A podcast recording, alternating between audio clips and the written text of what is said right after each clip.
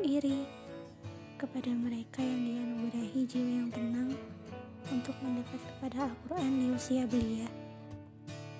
Sedangkan diriku menghabiskan masa muda dengan bermain-main dan sama sekali belum mengenal indahnya Islam. Aku iri kepada mereka yang mempunyai kepekaan tinggi terhadap para musuh Allah ketika mereka mengusik Islam. Jika mau dibandingkan, bukankah keadaanku yang sudah serba nyaman ini sangat bisa untuk setidaknya menyebarkan berita tentang apa yang terjadi dengan saudara-saudaraku di belahan bumi sana. Namun tak ada. Aku kerap lalai dan tenggelam dalam hiruk pikuk duniaku sendiri. Jadi, harus berapa kejadian yang membuatku iri agar aku bisa bersabar untuk lebih mengkaji Islam dengan benar.